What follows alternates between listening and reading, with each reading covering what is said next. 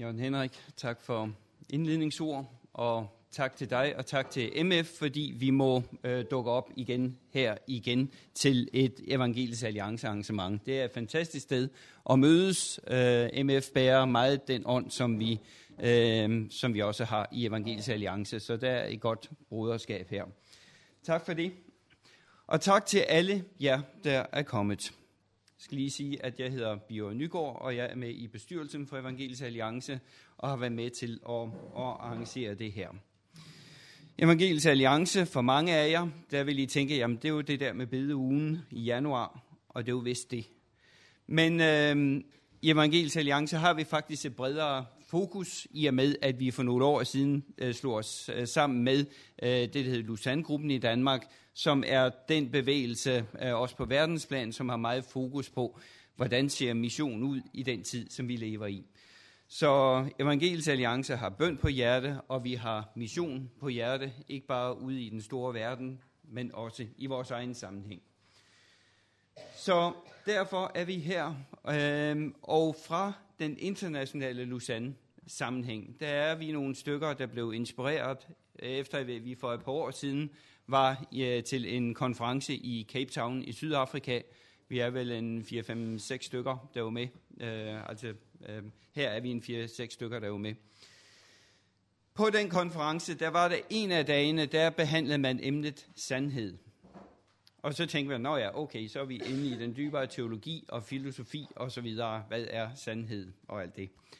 Men under øh, det tema, der var det, der var det faktisk øh, temaet mennesker på arbejdspladsen. Og det har at gøre med, at hvis vi skal være Guds folk i verden, hvis vi skal være Guds mission øh, ind i den verden, vi lever i, så er det helt afgørende, at vi tænker vores arbejdsplads, vores, øh, vores hverdagssituation øh, med ind i alt, hvad vi tænker omkring kristen mission. Kristen mission kan ikke bare blive noget med en missionær, vi sender et eller andet sted hen, eller et, et lille arrangement, vi holder, øh, sådan med et evangelistisk sigte. Mission, det er simpelthen noget, som, øh, som vi er kaldet ind i, som, som det, helt, det mest basale øh, i det at være kristen, øh, og det har at gøre med vores hverdagsliv, lige der, hvor vi er, uanset hvor vi er.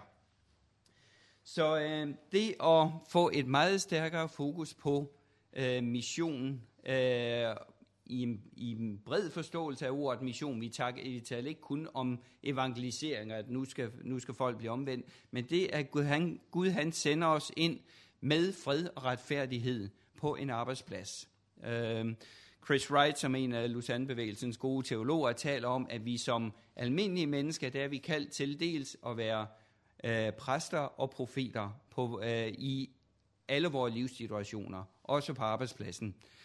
Præster, det betyder, at der er altid nogen, der trænger til øh, en arm, øh, en, en kærlig arm omkring deres skuldre, øh, omsorg, hjælp. Øh, og der er vi som nådens folk kaldt til øh, og, og, og, og, og være til stede for vores arbejdskammerater, øh, vores naboer på den måde. Profeter, det har at gøre med, at der er netop også meget uretfærdighed i den verden, vi lever i, også på vores arbejdspladser, også i vores lokale situationer, hvor vi er kaldet til egentlig at være sandhedens folk, der også taler sandhed ind i den sammenhæng. Så øhm, derfor er vi samlet i dag. Hvordan kan vi som kirke, som missionsbevægelser, i langt højere grad se det blive øh, virkelig gjort i, i årene, øh, der kommer? Vi lever i en kultursituation, hvor kirken på mange måder er ude på marken. Og øh, det var her sidste weekend, man talte om, at vi skal have lukket halvdelen af landets kirker. Det lyder jo slemt, at man kan, kan man lukke halvdelen af landets kirker. Ja, man kan lukke halvdelen af huse, som folk måske ikke synes er særlig vigtige længere. Men man kan ikke lukke Guds kirke, fordi Guds kirke er det folk, der, der, der bevæger sig. Så det er, det er en udfordring til i mindre grad at tænke kirke som det sted, hvor kirken nogle gange samles, og i langt højere grad tænke kirke som den bevægelse, Gud har sat ind i verden i alle mulige livssituationer. Så det er simpelthen her slaget står øh, i de næste mange år øh, fremover. Og sådan set er det her ikke noget nyt blandt vækkelsesfolk, så er det her et gammelt tema. Og på den måde, så kan man måske tænke, jamen det var dog, det var dog et enormt kedeligt seminar, som I har indkaldt til i dag. Tro og hverdagsliv. Er der noget som helst nyt i det? Øhm, ja, der er noget nyt i det, der hvor vi virkelig begynder at tale om det som en missionsbevægelse, som vi øh, bevidst øh, arbejder med. Gamle vækkelsesfolk havde det her i sig. Øhm, der skete, sådan, hvis vi ser historisk på det, så har det så været øh, udviklinger efter vækkelsesbevægelser. Der kom der forskellige øh, liberalkirkelige strømninger. Der var faktisk mange gode ansatser i de liberalkirkelige strømninger, i den forstand, at man sagde, at vi skal have vores, øh, vores øh, kristenliv og vores hverdagsliv til at hænge sammen. Der var så nogle tab teologisk på nogle andre områder, som, som ikke var heldige. Så kom vi ind øh, i øh, begyndelsen af sidste århundrede, øh, hvor øh, den dialektiske teologi vandt frem. En teologi, som siger, at Gud er jo netop noget helt andet end vores hverdag. Øh, det, det, det er sådan noget, der øh, man skal snakke om i, i modsigelse. Og det betød på mange måder, at vi øh, også i dansk evangelikal tradition faktisk lever med sådan en tradition, der siger, jamen øh, det med Gud, det er noget helt andet, så vi kan ikke rigtig mixe det for meget op med vores hverdagsliv. Meget uheldigt, at det skete. Øh, og altså hele tideværvstrømningen øh, i, i, i dansk øh, sådan, øh, folkekirkekristenhed kom jo derud af. Men der er så også egentlig en evangelikal vinge af, af den dialektiske teologi, som gør, at det for nogle af os er meget svært at få de her ting til at hænge sammen. Der er måske noget nyt her. Sammen med øh, den dialektiske teologi, så har vi så været igennem et århundrede med en enorm sekularisering. Og sekularisering, det betyder jo netop værsliggørelse. Øh, det, at, at, øh, at det var kirken, der røg ud på marginen, og så havde vi det værslige samfund. Og det er jo det, som Anders Fogh gerne vil have, det værslige samfund, og der skal vi ikke have noget religion ind i den sammenhæng. Det var den første version af sekularisering. Det, det bliver mere og mere tydeligt nu, det er, at der er en sekularisering 2.0, som egentlig ikke afviser det religiøse. Det, som gør, at der nu er 15.000 NLP-terapeuter, som øh, i erhvervssammenhænge underviser i, i sådan noget øh, mere nyåndeligt præget. Øh, man vil altid sige, det er sekulært, men alligevel sådan nyåndeligt præget øh, ting inde i erhvervslivet at man nu mediterer i erhvervsliv osv., som er udtryk for, at vi kan ikke, øh, rent kulturelt, så går det ikke det med at, at få vores øh, dybeste trosdimensioner holdt ude af vores arbejdsliv. Så i den nye form for sekularisering, som vi lever med nu, jamen der kan vi sige, at, øh, at, at her, der bruger vi også, øh, der søger vi egentlig det religiøse, men vi søger det faktisk ikke i kirken, men vi søger det i alle mulige andre sammenhænge, herunder vores arbejdssammenhænge, og selvfølgelig en masse andre fritidssammenhænge. Så her står vi, øh, og et, vi er kaldt til at lytte til Gud i den her situation. Gud, hvordan vil du bruge os i årene, der kommer? Øh, og jeg kan huske nede i Cape Town, Mia Skak Johansen, som sidder hernede, hun kom ud fra det seminar og sagde, det her med tro og arbejdsliv, det er jo noget, som vi i langt højere grad må have fat i. Øh, og øh, du er en god grund til, at vi holder det her seminar i dag. En af dem, der sagde, at det her det er, det er vigtigt. Så øh, vi skal finde vores vej frem. Men jeg vil godt lige fortælle en lille historie øh, fra Kina. Øh, det var godt nok noget af en omvej at tage. Men, øh, men noget, som jeg selv er meget tændt af. Øh, jeg var i november med en gruppe øh, i Kina, øh, øh, hvor vi oplevede vækkelsen i Kina lidt på første række. Øh, sådan lidt overraskende, jeg havde ikke forventet det. Men pludselig så var vi i en sammenhæng øh, inde i øh, Kina, det gamle kanton i Sydkina, øh, blandt øh, øh, kristne forretningsfolk, som er blevet kristne.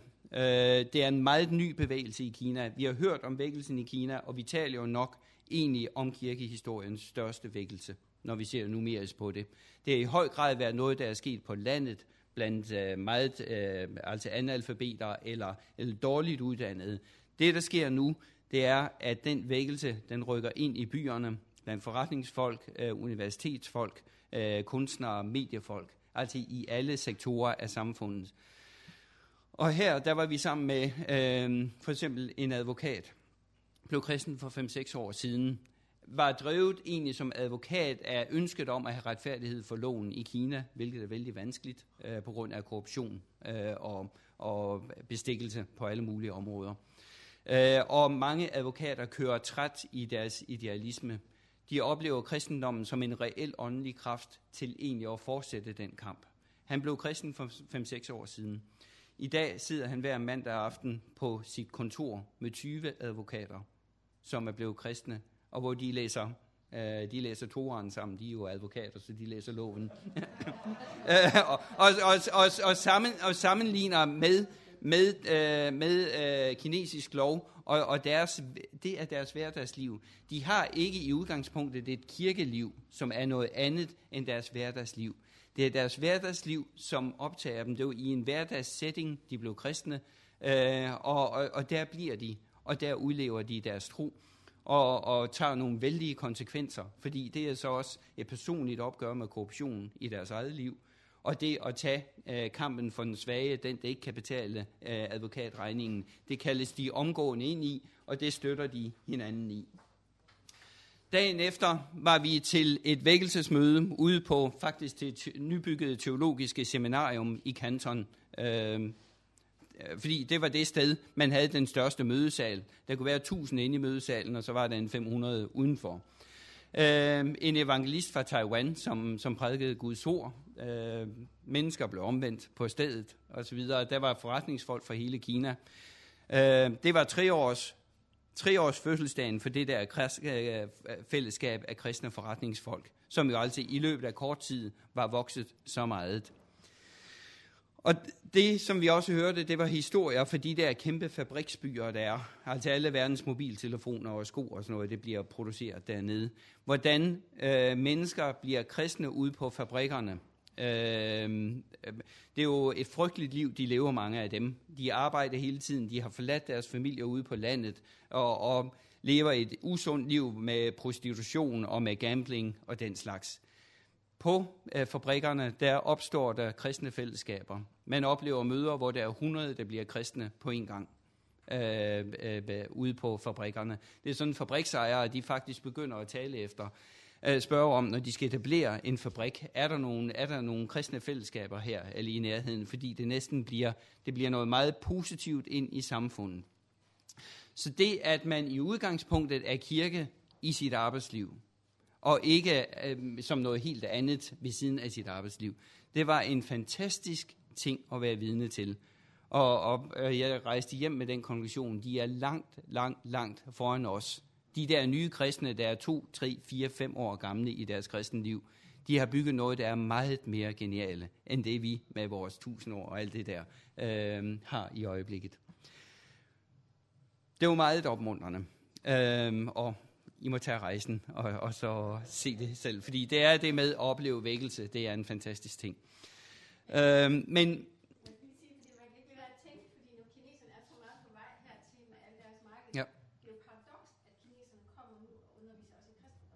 Ja, Og um, altså i den organisation, jeg er med, der har vi startet at arbejde med kinesere i København. Det samme sker blandt kinesere i Danmark. Der er 15 kinesere, der er blevet døbt i København de sidste halve år. Der er 20 under oplæring. Der, der sker noget der, som er fantastisk opmuntrende. Øhm, vi skal finde vores vej. Vi har særlige øh, historiske forudsætninger. Vi kan ikke kopiere det kinesiske. Det er jo ikke derfor, jeg fortalte historien. Men vi skal blive inspireret af, at Gud på den måde kan sætte en, en, en missionsbevægelse i gang. Han kan virkelig skabe noget nyt, øh, som overrasker os, og, og, så, og som, som pludselig øh, gør, at vi finder en måde at være i kirke på øh, på ny. Men vi er, hvor vi er. Vi starter ud fra, hvor vi er, og derfor har vi i dag indbudt Neil Hodgson fra London Institute of Contemporary Christianity. Neil han vil selv fortælle noget om øh, det institut, som er, et, øh, det er en vision, John Stott, ham der øh, var sådan faren i Lausanne-bevægelsen, som han grundlagde, fordi han sagde, at vi må have vores, vores kristenliv og vores hverdagsliv til at, at hænge sammen. Neil Hodgson han er præst, og det betyder, at han taler som præst øh, i dag øh, og vil egentlig arbejde med, der hvor vi er lige netop nu som menigheder. Hvad er det for en vej, vi kan vandre for i højere grad at få menighed og, og hverdagsliv til at, at hænge sammen. Så det vil vi se øh, frem til. Neil, welcome. We are very happy that you would take the trip over here, and we look forward uh, um, to what you'll be saying to us uh, after uh, a short break. And um, uh, we welcome you to introduce yourself and, uh, and your background so that we understand who you are.